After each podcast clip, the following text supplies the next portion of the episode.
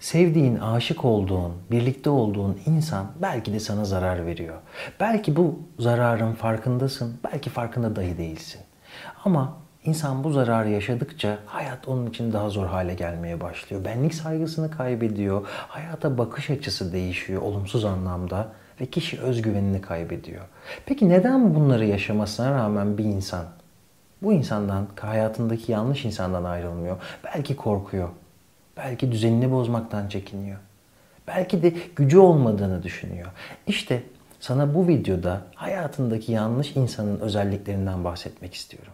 Hayatındaki insanın yanlış bir insan olup olmadığını anlamaya çalışırken ilk kontrol etmen gereken yer o insanın seni aşağılayıp aşağılamadığı, hor görüp hor görmediğidir. Eğer ki sevdiğin, aşık olduğun, birlikte olduğun insan senin giydiğin kıyafeti, kilonu, kişiliğini, karakterini, saçını, eğitimini, herhangi bir şeyini durmadan aşağılayıp duruyorsa, durmadan seni hor görüyorsa, küçümsüyorsa orada ciddi bir problem vardır.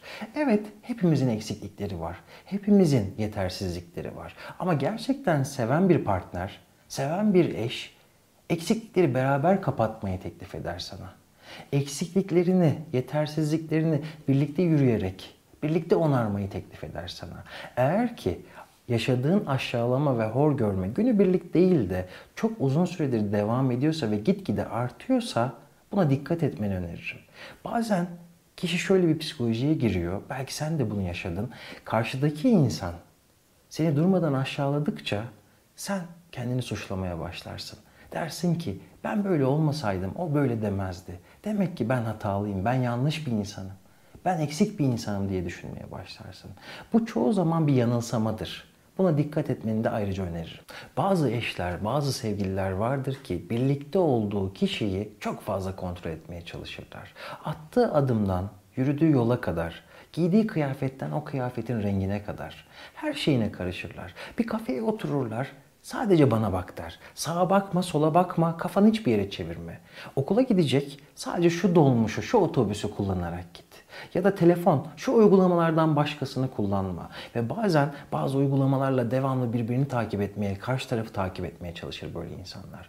Böyle insanlarla hayat zordur. Evet bu değişmeyecek bir özellik değil. Ama ilk başta kadın ya da erkek karşı tarafın bu kadar kontrolcü olması belki sana iyi geliyor.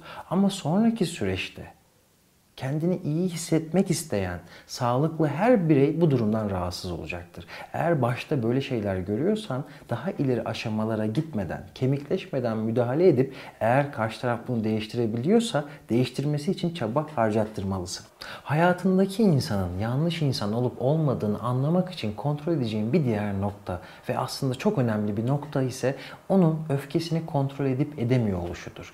Eğer karşındaki insan, birlikte olduğun insan öfkesini öfkesini kontrol edemiyorsa, ufacık tartışmalar bile çok büyük kavgalara yol açıyorsa ve karşındaki insan, seni sevdiğini söyleyen insan sana zarar veriyorsa, bazen bu sözel şekilde olabilir. Öyle kelimeler vardır ki dövmekten beterdir. Bazen de gerçekten şiddete varır. Sana zarar vermeye başlar. Ve sonrasında bu zarar veren insan genelde pişman olur. Bu sondu bir daha yapmayacağım ben seni çok seviyorum der. Ama tekrarlar bu. Bir süre sonra yine aynı şekilde aynı olayı yaşarsın ve sonrasında yine aynı şeyleri duyarsın. Sana zarar vermeyeceğim, istemiyordum işte kendimi kontrol edemiyordum. Şöyle söyleyeyim, o televizyonlarda gördüğün eşlerini öldüren adamlar var ya, onlar da aynı çemberi yaşıyor çoğu zaman. Çok bir şekilde kendilerini kontrol edemiyorlar, zarar veriyorlar ve sonrasında pişman oluyorlar.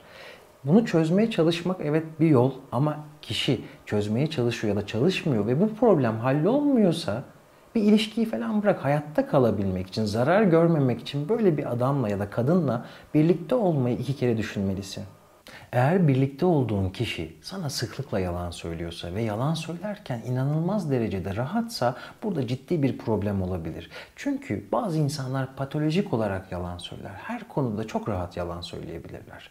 Herkes çoğu zaman ufak yalanlar, beyaz yalanlar söyleyebilir. Ama bu insanların söylediği yalanlar çok büyük konularda olabilir insanı karşı tarafa aldatacak seviyede olabilir.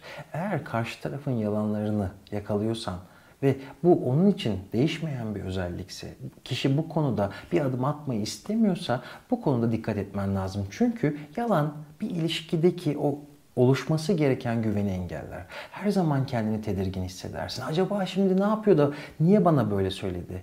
Böyle söyledi ama aslında olan ne diye için içini yer. Birlikte olduğun insanda bu saydığım özelliklerden belki birisi, belki birden fazlası vardır. İlk adım hiçbir zaman ayrılmak olmamalı. İlk adım bu sorunları çözmek için karşı tarafa ortadaki problemi hatırlatmak, ona söylemek bunu. Çoğu zaman çoğu kişi bu problemi söylemekten bile kaçınıyor. Sabretmek zorunda olduğunu düşünüyor. Mutsuz olsa bile alışkanlıklarından vazgeçemeyeceğini düşündüğü için, belki kendine güvenmediği için bir adım atmıyor. İlk adımımız ortada bir sorun olduğunu karşı tarafa söylemek. Bunun için belki aranızda yapacağınız konuşmalar bile çok işe yarayabilir. Bu problemleri halletmenizde çok yardımcı olabilir. Ama eğer iki kişi konuşarak halledilmiyorsa sonrasında belki bir aile danışmanından, belki bir psikiyatristten, psikologdan yardım alabilirsin. Bu bu şekilde hala hallolmuyorsa o zaman karar sana ait. Böyle bir ilişkiyi yaşamak ya da yaşamamak arasındaki kararı sen vereceksin. Beni dinlediğin için çok teşekkür ederim. Bu videoyu beğenmeyi ve hala abone olmadıysan Psikoloji TV YouTube kanalına abone olmayı unutma. Kendine çok iyi bak. Görüşmek üzere.